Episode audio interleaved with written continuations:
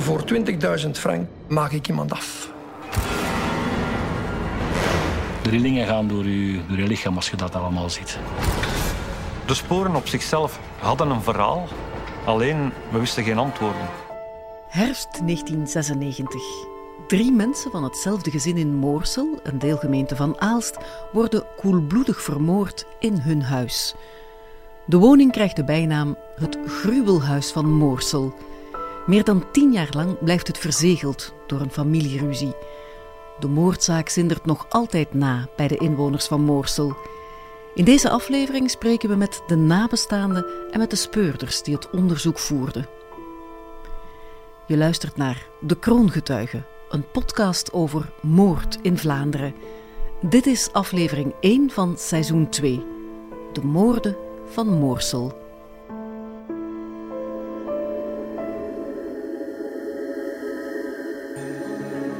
Ik herinner me die donderdagavond 3 oktober nog zeer goed. Het was de nazomers een mooie dag. Ja. Mijn zoontje had nog met school een uitstap gemaakt. En uh, s'avonds ja, zat ik gelijk anders altijd aan de keukentafel. Naast hem met zijn huiswerk bezig. En het was toevallig huiswerk over grootouders en kleinkinderen. Frida van den Steen is alleen thuis met haar zoontje. Haar echtgenoot Mark de Kok is met de auto twee brieven gaan posten. Op dat moment nadert een jongeman in sportkledij het huis van Frida. En toen werd er gebeld, ja. Een paar keer gebeld. Het was ongeveer kwart na negen, denk ik. En ik zei tegen mijn zoontje, wij doen ons stilletjes, wij doen niet meer open. Me een keer rechtgezet, een keer in de garage gegaan, want ja, het was een paar keer een bel. Maar op duur was er gebonk op de deur. En ik zeg tegen mijn zoontje, nu moet ik toch gaan kijken. Ik deed het kleine venstertje van mijn deur open. En ik zag Chris staan. Chris? Chris, jongen. Ik kom, wacht, ik doe de deur En ik was gerust. Chris de Pauw is haar 18-jarige neef, de enige zoon van haar zus Emilienne. Hij lijkt volledig over zijn toeren. Chris die stond daar gebukt, ja. Gebukt voor mijn deur. En dat vond ik raar. Ik dacht, Udin is iets overkomen, heeft in een slaag gehad. En hij deed met zijn handen gebaar, police. Bij meter al bloed en Peter. En ik kon hem vragen, ja, is er één dood of zijn alle drie? Kost, kon. Er is blijkbaar iets vreselijks gebeurd in het huis van zijn grootouders, de ouders van Frida. Maar we hebben samen nog, nog de 100 gebeld dan. Chris blijft verwijzen naar een bloederig tafereel bij zijn grootouders, die ook zijn meter en Peter zijn.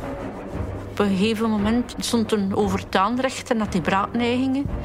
En dan wou hij ook naar buiten. Lucht, lucht, lucht. Licht nodig. Dan heb ik de deur nog voor hem open gedaan. Maar ik was ook bang, want hij zei ja...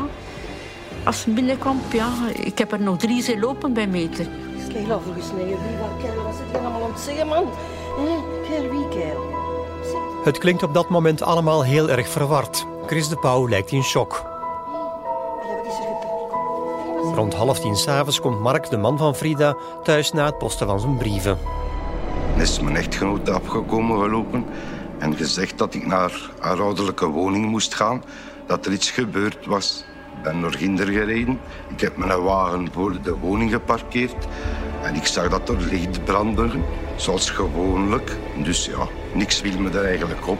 Ik ben terug naar huis gegaan. Thuis gaat het met Chris van kwaad naar erger. Hij grijpt naar zijn hart. Ik dacht, zeg, ik, ik kan Chris hier niet laten sterven. En ik zei tegen Chris... Chris, ik ga de dokter bellen. En hij zet hem dan recht. En, en hij zei, ja, ja doe dat, zijn. Dan heb ik de huisdokter gebeld. Is helemaal alles aan het doen. Ik, ik, ik weet het niet, ik denk dat je. Maar ik heb dan ook gevraagd aan Chris, zeg, ja, Chris, ik ga je moe bellen. Maar hij maakte met zijn hand een gebaar van wacht nog een beetje. Frida verwittigt wel de hulpdiensten. Haar man gaat samen met haar schoonbroer opnieuw naar het huis van de grootouders. Dat huis is een ijzerwinkel met achteraan een woning. De winkel sluit normaal om zes uur, maar de deur is los. En is mijn schoonbroer voor mij het huis van mijn schoonouders binnengegaan. En het eerste wat me opviel dat was dat, dat mijn schoonzuster Alice in de grond lag. Alice is 45 jaar en woont nog bij haar ouders achter de ijzerwinkel. Heeft ja, Alice gezien en hij zei ja, Alice lag op een buik. En dat beeld vergeet het nooit meer. En ja, dat bloed. En... Maar hij zegt ja, ik kon niet meer verder. Ik stond versteend. Ik ben ongeveer eh, een meter voor het lichaam van mijn schoonzuster blijven staan. Ik heb uh, twee, drie keer naar naam geroepen. Uh, er kwam geen beweging in, geen reactie. Op dat moment ontdekken Mark en zijn schoonbroer het lichaam van nog een familielid. Dat van hun schoonmoeder. Maria de Smet ligt, net als haar dochter, met een overgesneden keel op de grond. En is ook nog tot aan de vader gaan kijken, ja. Hun schoonvader bevindt zich in de achterkamer. Hij ligt dood op de eettafel. En dan heb ik eh, de sirenezoren afgekomen. En ben ik naar buiten gegaan. En dan waren, uh, was het een ambulance die stopte. En dan heb ik gezegd, uh, mensen, mensen, het is hier heel dringend. En die zijn dan binnengegaan met twee personen. En die zijn terug buiten gekomen en die hebben gezegd, uh, we kunnen hier niks meer doen.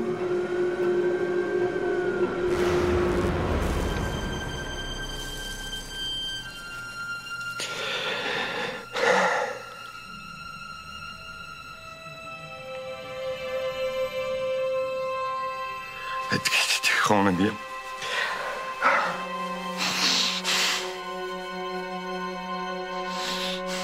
bier. Zeventien jaar na de feiten laten de beelden die Mark die nacht gezien heeft nog altijd een diepe indruk na.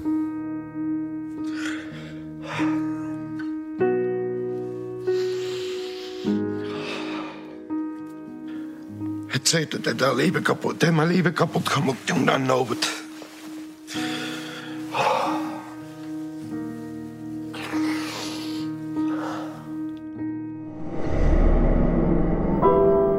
Doden in hetzelfde gezin. Frans van den Steen, zijn vrouw Maria de Smet en hun dochter Alice. Ze klappen altijd maar van, het slijt, het slijt. Het spijt me, het slijt, godverdomme niet. Het gaat gewoon weg, niet weg. Ik, ik zeg het. Het is een gruweloos en het is een gruweloos en het blijft een gruweloos. En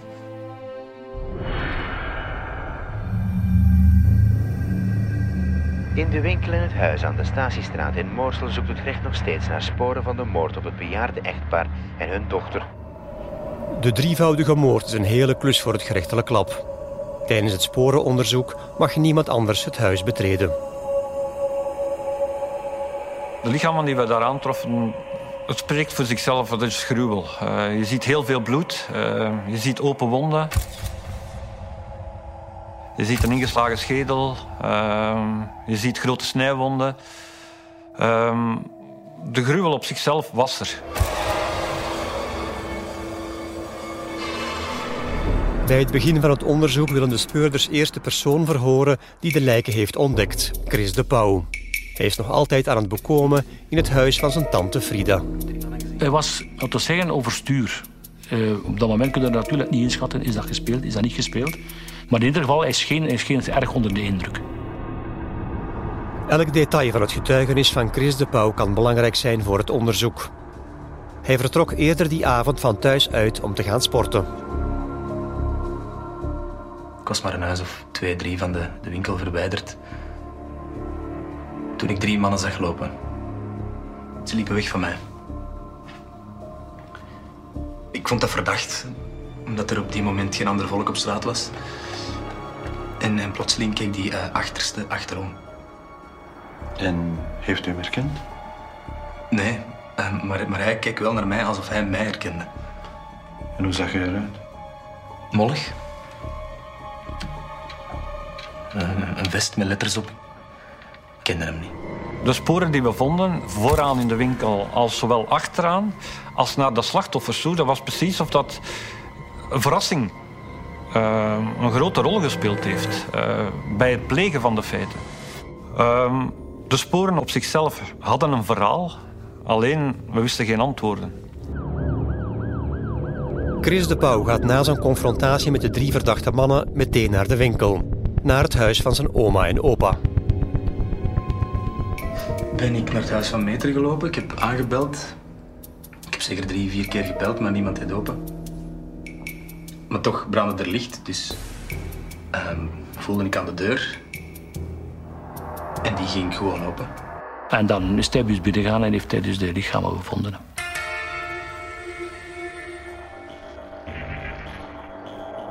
Om 11 uur s'avonds is het sporenonderzoek in het huis afgerond. De gerechtelijke politie en de onderzoeksrechter kunnen nu ook zelf de plaats van de misdaad bezoeken. Met nauwe doorgangen trof ik daar dus eh, de drie lijken aan. Het lijk van een oude vrouw, die eh, op haar rug lag, geloof ik, eh, tegen een deurstijl. Een jongere vrouw, die op haar buik lag. En dan heb ik mij begeven naar de leefruimte waar een oudere man, bleek dat dus de, de, de, grootvader te zijn, een man van rond de 85 geloof ik, die daar op een stoel zat en met een gapende wonde uh, die is in de keel, droogte van de keel en ook de schedel die dus bleek ingeslagen te zijn. In feite waren ze allemaal uh, een beetje de keel overgesneden, als ik het zo mag zeggen. De rillingen gaan door je, door je lichaam als je dat allemaal ziet. Een wetsdokter onderzoekt intussen de lijken. Daaruit bleek dus dat de, zowel de oudere vrouw als de jonge vrouw verschillende keren gestoken waren in de rug, in de borst. Tijdens het verhoor van Chris de Pauw wordt in detail ingegaan op zijn tijdsgebruik van die avond. Nadat hij de lijken heeft gevonden, is hij nog een tijdje in het huis gebleven, uit angst. En waarom was u bang voor hen? Ik dacht dat zij de daders waren. Hij liet toen al uitschijnen dat dat eigenlijk misschien wel eens de daders zouden kunnen geweest zijn. Toeval. In ons beroep bestaat er weinig toeval. Het kan, maar er bestaat weinig toeval. De moorden zijn gepleegd in een oude ijzerwinkel. Een plaats waar nog vaak cash betaald wordt. Roofmoord is dan ook het meest voor de hand liggende motief. Dat was een oude winkel. In feite een winkel waarvan je kon zeggen... de tijd is daar blijven stilstaan. Konden er eigenlijk alles kopen. Dat stond er proppelsvol met allerhande materiaal. Uit de lijkschouwing blijkt dat de moorden moeten gepleegd zijn in de loop van de avond, na sluitingstijd van de winkel. De winkel was normaal niet open, niet meer open. Dus hoe zijn die mannen daar binnen geraakt? Er was nergens braakspoor. We wisten dus ook uit het buurtonderzoek dat, dat, dat die mensen uh, niet zomaar iemand gingen binnenlaten. Dus ja, we dachten aan iemand bekend.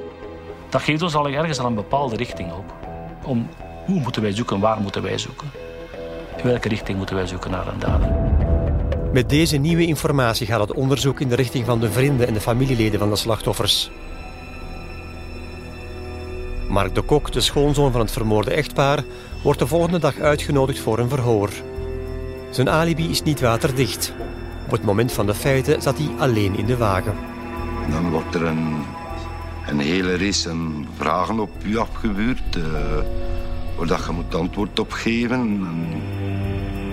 Mark moest die avond nog twee brieven gaan posten en nam daarvoor de wagen. Tussen 8.30 uur 30 en 9 uur ben ik thuis vertrokken met de wagen. Ik heb de eerste brief gepost in Moorsel aan de post zelf. En dan ben ik naar Alst gereden, naar de, eh, de ziekenbond. Ik heb dat dan op de, op de postbus daar gedaan. Zeker weten? Ja, ja, dat was rond vijf uur. En dan op een bepaald moment zegt er de, een van die twee inspecteurs... meneer De Kok, uw, uw alibi is een zeef. Je beseft niet wat er u overkomt als men u zoiets zegt. De speurders hebben twijfels bij zijn verhaal. Ze willen dan ook samen met hem de rit nog eens overdoen.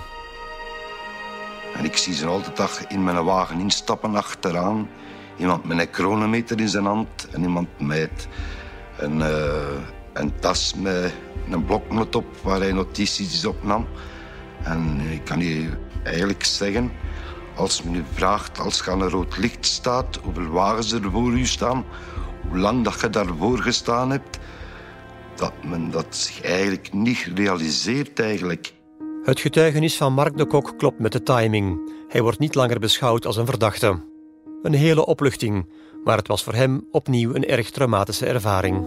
Het heeft een zodanige impact bij mij gehad dat ik uh, de dagen, maanden daarachter met een notitieboekje in mijn binnenzak rondliep, dat het gewoon een obsessie geworden was van mijn tijdsgebruik zodanig te willen op notitie temmen dat je denkt, als er mij nog iets gebeurt, heb ik toch iets dat ik op papier staan.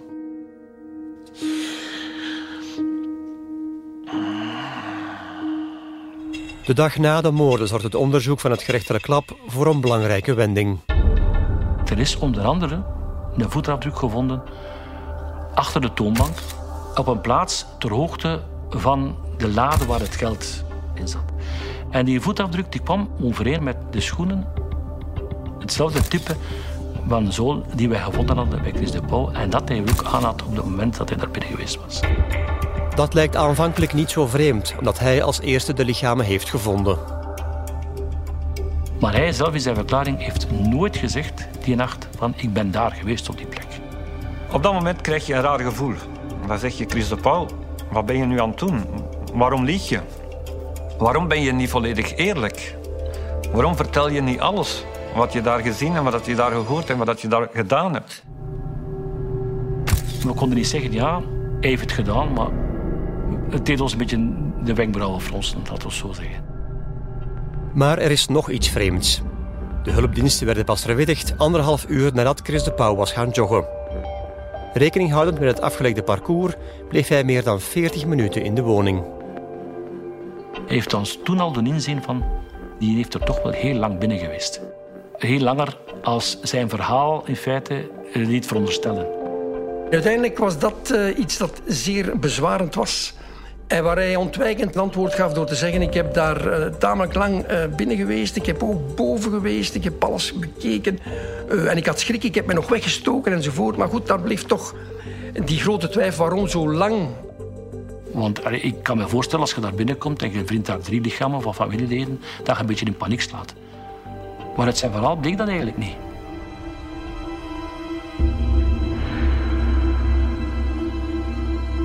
De druk wordt opgevoerd. Chris de Pauw wordt op 4 oktober de hele nacht ondervraagd. Maar hij stelt zelf één voorwaarde. Hij zegt, vooraleer ik verder verklaring afleg, zou ik mijn gedachten eens weer in orde, want het is heel ingewikkeld. En dan heeft hij toch een paar uur zitten schrijven wat er die een dag allemaal gebeurd is. Wat hij die een dag allemaal gedaan heeft. Chris de Pauw schrijft vijf bladzijden vol. Hij ordent op die manier zijn gedachten en kan zo altijd terugvallen op zijn versie van het verhaal. Meteen daarna wordt hij geconfronteerd met gerechtspsychiater Roger de Bert. En dokter de Bert die zei... Ik kan er geen hoogte van krijgen, maar ik denk dat hij iets verschrikkelijk met zich meedraagt. De politie bestudeert met veel aandacht zijn geschreven relaas van de feiten.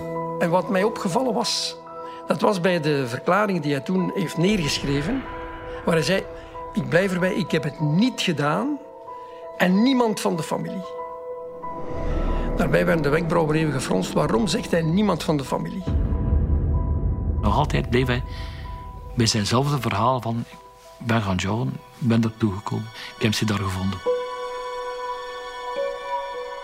De twijfels nemen toe, maar er is onvoldoende bewijs dat Chris de Pauw iets zou te maken hebben met de moorden.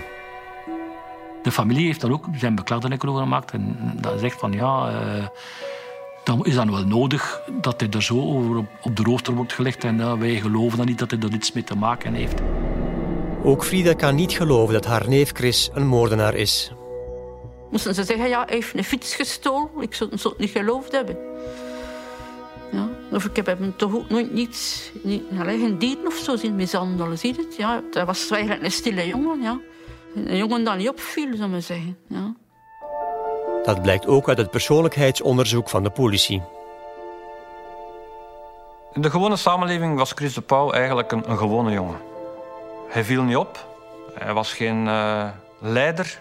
Hij was eerder een meegaand figuur. Hij was beïnvloedbaar. Hij heeft met zijn moeder Emilienne een bijzondere band.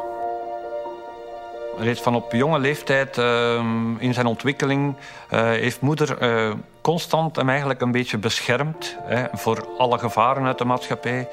Sommigen hebben zelfs het woord overbeschermd gebruikt. De vermoorde Frans van den Steen en Maria de Smet hebben vier dochters. Frida is de jongste. De relatie tussen mij en Melin was eigenlijk ook vrij goed, ja. Emmeline was feitelijk, ja, ze was al wat anders van karakter, ja. Dat wel, maar kom... Uh... De familie brengt vaak een bezoek aan het bejaarde echtpaar. Ook kleinzoon Chris de Pauw.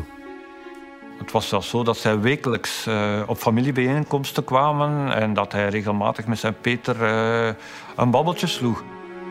Frans en Marja, de Peter en Meter van Chris, zijn graag geziene mensen.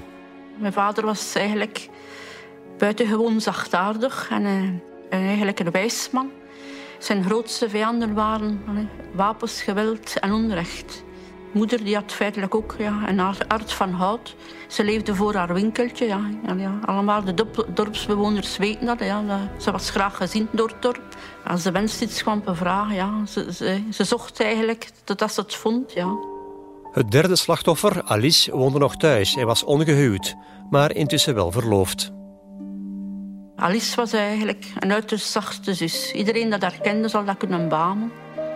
Ze zal nooit van iemand kwaad gezegd hebben. Ja. Kwamen de kleinkinderen op bezoek. Ja, ze was een suikertante. Ze ging direct in haar portemonnee. En ze gaf iets, ja. En zeker ook, ja, Chris was, was het eerste kleinkind. Ik weet nog, Alice kon niet breien, maar dan begon ze voor Chris spulletjes en zo te breien. Ik herinner me dat nog, ja. Voor de speurders is het duidelijk dat ze te maken hebben met een doorsnee familie. De verklaringen van Chris de Pauw zijn dan wel tegenstrijdig. Voorlopig is er te weinig bewijsmateriaal om hem vast te houden. En de rechter wil ook beslissingen op dat moment nemen. Want stelt dat hij op dat moment zou zeggen... Ja, kijk, er zijn te veel dingen die in zijn richting wijzen, ik houd hem aan. En hij kon dan de begrafenis van zijn grootouders en van zijn tante niet meemaken. En achteraf blijkt dan toch dat hij het niet gedaan heeft. Dan is dat iets dat we niet meer kunnen rechtzetten. Er is nog te veel twijfel. Voorlopig laten we hem nog altijd vrij. Twaalf dagen na de feiten worden Frans, Marja en dochter Alice begraven. Heel Morsel wil erbij zijn. Omdat de moordenaars zijn slachtoffers wellicht kenden, filmen de speurders iedereen op de begrafenis. Als het een bekende is, is dat waarschijnlijk iemand die ook naar de begrafenis zal gaan van die mensen. Ze letten ook goed op de lichaamstaal van Chris de Pauw. Maar gezien de omstandigheden gedraagt hij zich vrij normaal. Een beetje afwezig misschien. Maar ik kon dat ook wel ergens een beetje begrijpen. Uh, Ten slotte was hij al een paar keer redelijk op de rooster gerecht. Het feit dat de pauw urenlang verhoord werd, doet bij zijn familie de twijfel reizen. Ik had toch een raar gevoel eigenlijk, ja. Ook ja, als we achter de kisten liepen, Chris liep achter mij. En ik, ik zeg, ik ga me toch een keer omdraaien en zeggen, ja... Chris, dat is toch erg, zo drie lijken. Dat ik toch zo'n vreemd gevoel had, moest ik dat toch precies zeggen dat ik zo een keer achter mij omkeek, dat ik toch, ja, toch precies toch zware vermoedens begon te krijgen. De politie breidt haar onderzoek uit naar de middelbare school, waar Chris de Pauw een beroepsopleiding volgt. De doorbraak is er pas gekomen rond 14 oktober, dus in feite bijna 14 dagen na de feiten. Tijdens het onderzoek komt de 18-jarige schoolkameraad Arnold Leconte in het vizier. Leconte gedraagt zich verdacht hij heeft aan zijn schoolkameraden gevraagd hem een alibi te verschaffen voor de avond van 3 oktober 96. De speurders confronteren Chris de Pauw met deze nieuwe informatie. En dan hebben wij een beetje gehokt. En wij tegen Chris de Pauw gezegd: Kijk, jong, er is een kameraad van u die u een alibi zoekt. Kende je die? Arnold Leconte. Arnold Leconte? Mhm. Ja. Ken ik. En wanneer hebt u elkaar voor het laatst gezien? Allee, kom maar, jongen. Antwoord nu gewoon. Wanneer heb je Arnold Leconte voor het laatst gezien? Kunt je mij verzekeren dat die gast niet direct in Morsel komt? Nee. Nee, dat gaat niet. Dat moet nog uitgespikt worden. Maar waarom? De buitendeur stond op een kier. En um, ik zag Arnold in de winkelruimte. Brandde daar toen licht? Nee, ik denk het niet. En toch had jij onmiddellijk door dat het Arnold Lecon betrof? Ja. Ik was wel serieus verschoten. Zeker als ik zag wat hij had gedaan. Mijn verstand stond gewoon stil. Chris de Pauw beschuldigt rechtstreeks Arnold Leconte van de moorden. Leconte zit intussen in een aparte verhoorkamer en gaat snel over tot bekentenissen. Maar hij vertelt wel een heel ander verhaal. Een paar weken geleden stelde Chris voor om samen een uh, inbraak te plegen. Een inbraak? Hm. Ja. ja, Chris zei dat hij een goede plek gewist. En op 3 oktober heb je dan met hem afgesproken? Hm. Hij zou de winkel binnengaan. Ik zou buiten blijven wachten. Totdat hij mij een teken gaf om ook binnen te gaan. En hoe ging het verder? Chris zou dus binnengaan en die uitbaters bedreigen met die messen. Dan zou hij mij een seintje geven en dan zou ik binnenkomen om het geld te pakken. Hoe lang is hij daar alleen binnen gebleven? Ik schat vijf minuten. Op het moment dat de kont de feiten heeft toegegeven, waren we vrijwel zeker dat, dat wij goed zaten, ook wat betreft de Paul uiteraard. En denk kijk, dat, dat is maar een kwestie van tijd. De twee verdachten leggen de schuld bij elkaar. De speurders proberen met een confrontatie hen tot volledige bekentenissen te overhalen. Tijdens die confrontatie beseffen de twee jongens dat hun versies niet met elkaar te verzoenen zijn. Uiteindelijk breekt Chris de Pauw en bekent dat hij de moorden heeft gepland. De Pauw ging als eerste binnen bij zijn grootouders. Ik ben naar de keuken gegaan, via de living. Daar zaten Meter en Peter tv te kijken. En wat heb jij juist in de keuken gedaan? Mijn tante heeft mij een cola ingeschonken. Dan ben ik naar de living gegaan. Meter zette zich recht en ging naar de winkel. En dan is dus de bouw erachter gegaan. En zegt, nu is het moment.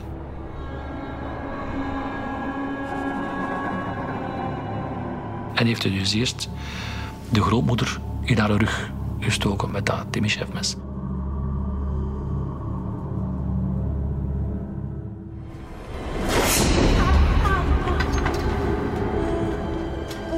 Arnold Leconte wacht op dat moment buiten aan de deur.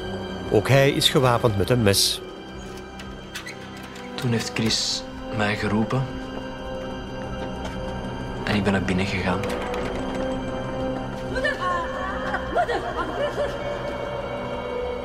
Die grootmoeder was natuurlijk niet direct gevallen, maar die is beginnen roepen en die tante is naar voren gekomen.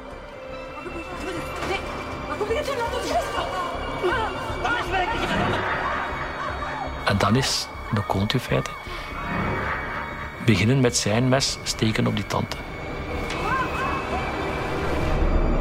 Na de vele messteken snijdt Arnold Leconte de keel over van Alice van den Steen. Dan is de kont terug naar die grootmoeder gegaan. Die, die lag daar in lucht en heeft ook nog een paar keer gestoken op haar.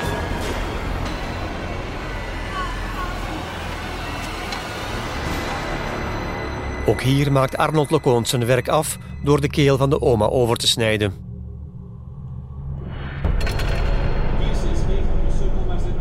Achteraan in de leefruimte staat de televisie loeihard. De opa heeft niet gehoord dat zijn vrouw en dochter zijn aangevallen en vermoord. Hij was zo goed als volledig doof.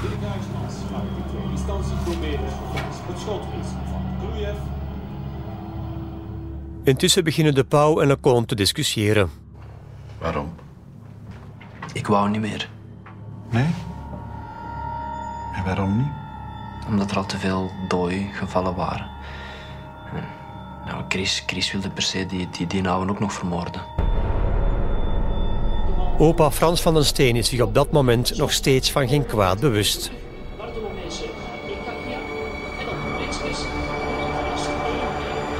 Chris de Pauw sluipt langs achter naar zijn grootvader.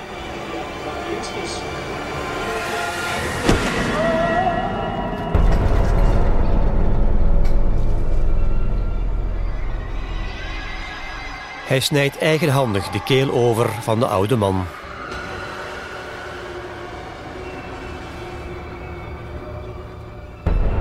Chris de Pauw vermoordt koelbloedig zijn eigen grootvader. Een weerloze man van 85.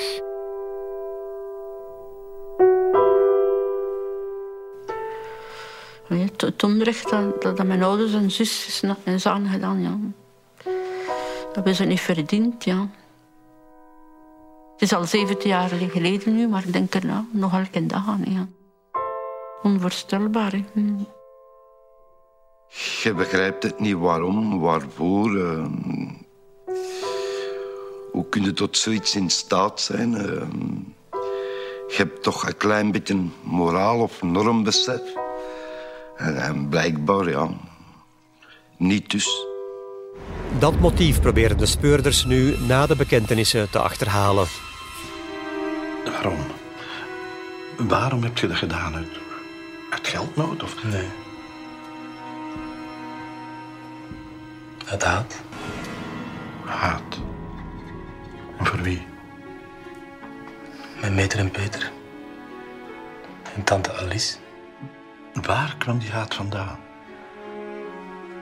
Al drie jaar probeer ik mijn moeder weg te houden van haar ouders en zuster. Waarom? Omdat ik beu was. Ik heb het gedaan omdat ik die mensen haatte.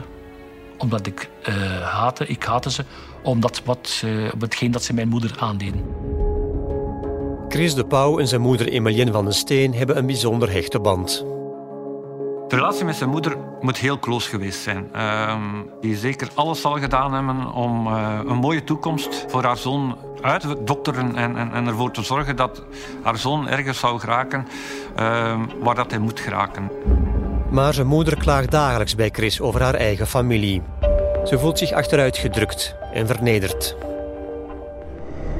Ik was bij hem altijd te moeten horen hoe ons ma vernederd werd. Ik heb het met mijn eigen ogen gezien. Blijkbaar eh, moet de moeder regelmatig haar beklag gemaakt hebben over de slechte jeugd die zij zou gehad hebben, over de beledigingen en de vernederingen die haar ouders zouden gemaakt hebben. Dat zij het zwart schaap was van de familie. Op een bepaald moment is hij dat ook beginnen aftoetsen in zijn verstandhouding met zijn grootouders. En Chris had misschien op plaats ook die gedachte van ja, mijn moeder is hier altijd uh, achteruit gestoken. Maar ja, ik heb toch altijd geweten dat mijn pa zowel als mama, dat, dat ze eigenlijk toch geen onderscheid maken. Dat ze alle vier even graag zagen, denk ik, ja. En op een bepaald moment heeft hij blijkbaar besloten om daar meer en meer afstand van te nemen, van de grootouders. Chris de Pauw praat met niemand over zijn gevoelens en die van zijn moeder. De haat stapelt zich bij hem alleen maar op. Haat is een heel slechte ingeving. Je kunt iemand haten, maar iemand haten, echt naar het leven staan, dat is, uh, dat is wel het einde, denk ik. Dat moet heel diep gezeten hebben.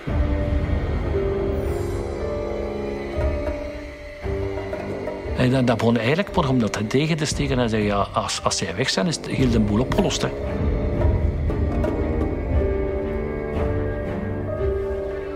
Chris de Pauw leert op school Arnold Leconte kennen. Een jongeman die al eerder in de problemen kwam. Het begin was er een normale gast. Maar de laatste jaren had ze daar meer problemen mee. Hij was, uh, hij was verslaafd, terugverslaafd blijkbaar. Hij nam ecstasy. En hij was ook uh, bingo verslaafd. Hij is verslaafd aan het bingo. Hij had dus constant veel geld nodig. En in feite was dat dus voor Chris de Pauw, de gescripte man. Chris de Pauw maakt Leconte wijs dat er veel geld te rapen valt in het huis van zijn grootouders. Zo overtuigt hij zijn schoolmakker om samen met hem een overval te plegen. Voor 20.000 franken uh, maak ik iemand af. Heeft Leconte ooit zich laten ontvallen. En dat was, zegt uh, de Pauw, bij mij altijd blijven doorzinderen. In het begin was er sprake van, van een overop, maar uiteindelijk is dat gesprek dan heel vlug geëvalueerd. Want Chris de Pauw was er geen over van mogelijk. Voor hem was het gewoon dat ze moesten verdwijnen, die mensen. We gaan daar binnen gaan en we gaan ze, we gaan ze alle drie vermoorden. Leconte zorgt voor de moordwapens, een paar flinke keukenmessen. Op 3 oktober 96 spreken ze af bij de winkel van de grootouders van de Pauw.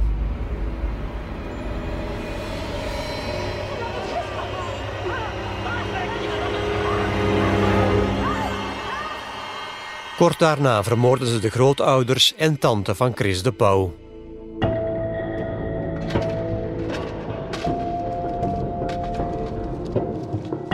Mama had altijd ja, veel geld in huis. Ja. Ze had wel wat geld op de bank ook, maar ze hield veel geld thuis. En, en hebben ze dus uh, kasten overgebroken, uh, geldkoffertjes uh, geforceerd, maar ze hebben maar 20.000 frank kunnen bemachtigen.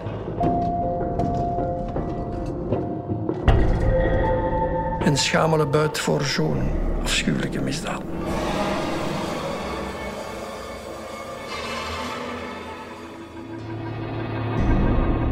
Voor Chris de Pauw is zijn doel bereikt. Zijn grootouders en tante zijn dood. Arnold Leconte krijgt het geld. Voor hem was, waren zij de echte schuldigen. Hè. En hij heeft hen uh, ja, daar laten voor boeten, in feite. Voor hem, voor hem was dat gerechtigheid. Hè. Misschien heeft hij ja, alles opgekropt. Ja. Zijn geest moet, moet vergiftigd geweest zijn. Ja. Dat ze zelf niet meer was. Hè, ja. Je zou het kunnen beschouwen als een moord uit moederliefde. Ja, want in feite heeft hij het gedaan voor zijn moeder. Zonder dat zij het zelf wilde.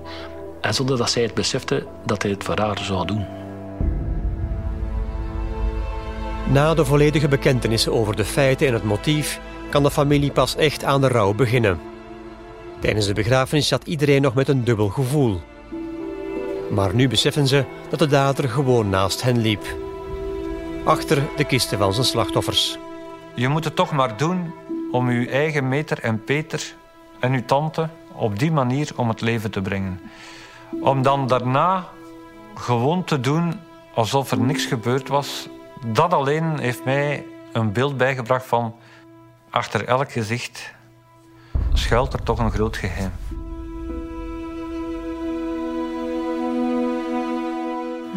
Ik kan ook gewoon gepraat hebben met mijn ouders. Als ze dachten dat, dat, dat, zijn moeder benadeeld was. Maar uh, de vraag is ook toch altijd bij mij: waarom moesten mijn ouders en mijn zus, waarom moesten ze alle drie dood? Ja.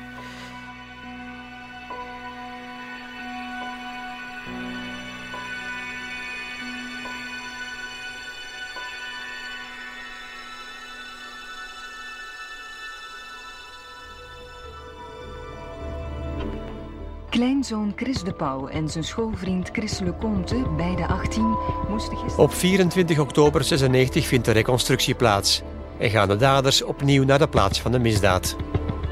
De sfeer was grimmig op straat. We wilden er serieus wat geroepen eh, naar die mannen toe.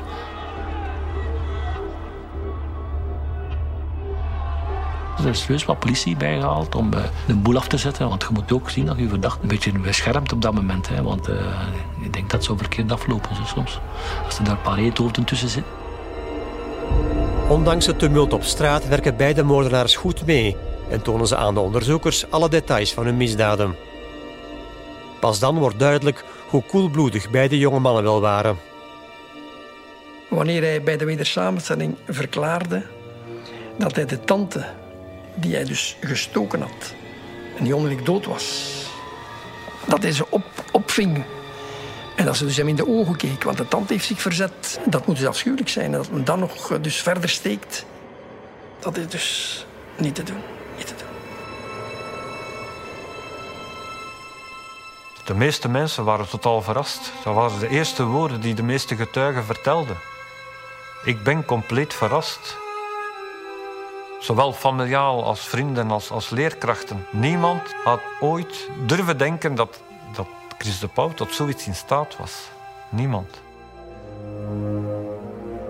Je kunt dat niet geloven. Dat die jongen, zo'n simpele, gewone jongen, in zijn familie een waar drama heeft aangebracht.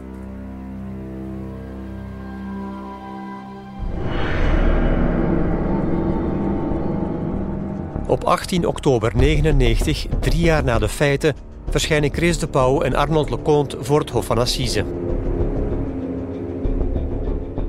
Chris en uh, Arnold waren heel kalm op dat Assise. Berustend waarschijnlijk, van, van kijk ja, uh, we gaan ons straf wel krijgen, we zullen straks wel horen hoeveel dat we krijgen.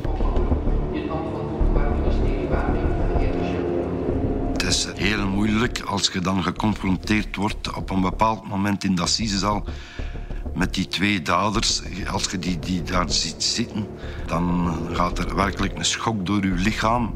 Dat je zegt, hoe is het in godsnaam mogelijk dat jullie zoiets kunnen doen?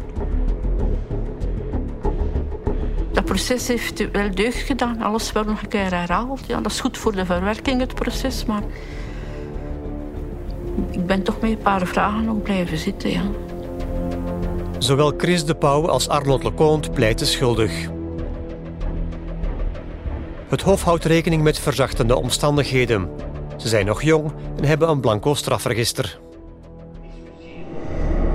Veroordeelt de Pauw Chris en Leconte Arnold elk tot 30 jaar opsluiting. Veroordeelt de Pauw Chris en Leconte Arnold elk tot 30 jaar opsluiting. 30 jaar in plaats van levenslang. Voor de nabestaanden is dit arrest een zoveelste kaakslag. De strafmaat was voor mij niet voldoende voor hetgeen ze gedaan hebben en hetgeen dat ze beiden uitgericht hebben. Ik heb er altijd moeite mee. Het laatste woord op het proces is voor de veroordeelden. Ze vragen om vergiffenis. Ik weet, Ik voel mij enorm schuldig. En daarom wil ik nu ook uh, vragen voor de overleden, voor de slachtoffers. Ik zal vergeving willen vragen.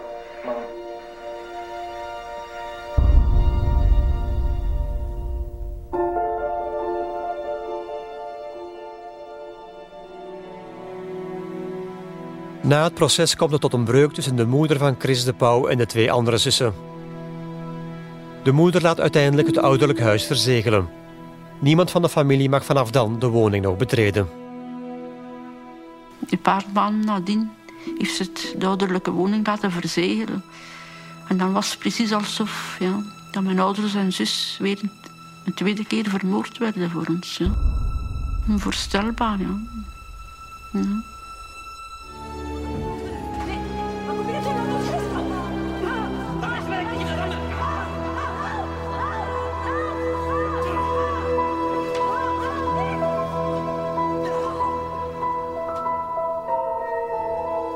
Voor Frida van den Steen gaat 3 oktober nooit meer onopgemerkt voorbij. Dan gaan we, ik en mijn oudste zuster gaan we weer eh, bloemen zetten aan de ouderlijke woning. De beginjaren hebben we ook altijd de zwarte vlag hangen als teken van heel diepe rouw. En in het begin heb ik, ook altijd zo kaartjes geschreven. Ja, dat kan zo de bloempotning. Ja, en dat, zo heb ik het ook een beetje verwerkt. Zo, zie je het? Met een beetje te schrijven, ja. Intussen is haar neef Chris de Pauw dankzij de wet Lejeune vervroegd vrij, onder voorwaarden. Hij moet een schadevergoeding betalen en mag niet meer in de buurt van Moorsel en Aalst komen. Ik vind het eigenlijk niet kunnen dat men die, die zomaar terug loslaat in de maatschappij na het gebeuren dat ze daar aangericht hebben. Ik heb er heel veel moeite mee. Hij is vrij. Hij heeft gekozen op een totaal andere plaats. Ik kan alleen maar hopen dat hij het nooit meer doet. Maar ik durf daar geen garantie voor geven. Ik kan alleen maar hopen dat hij iets geleerd heeft en dat hij voor zichzelf uitgemaakt heeft dat hetgeen dat hij gedaan heeft, dat dat geen tweede keer mag gebeuren.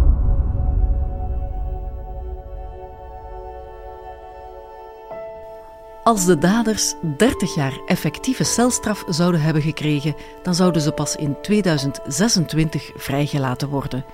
Maar het liep anders. Chris de Pauw kwam in 2011 voorwaardelijk vrij.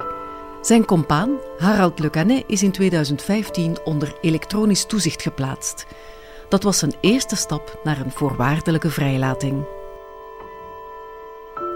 Dit was De Moorden van Moorsel, de eerste aflevering van het tweede seizoen van de podcast De Kroongetuigen, gebaseerd op de gelijknamige televisiereeks. Montage en mixage waren in handen van Niels de Vos. Emee van Meensel zorgde voor de juridische en Maite Goossens voor de redactionele ondersteuning. Duiding gebeurde door journalist Jeroen Wils en mezelf, Birgit van Mol. In de volgende aflevering nemen we de slachter van Menen onder de loep.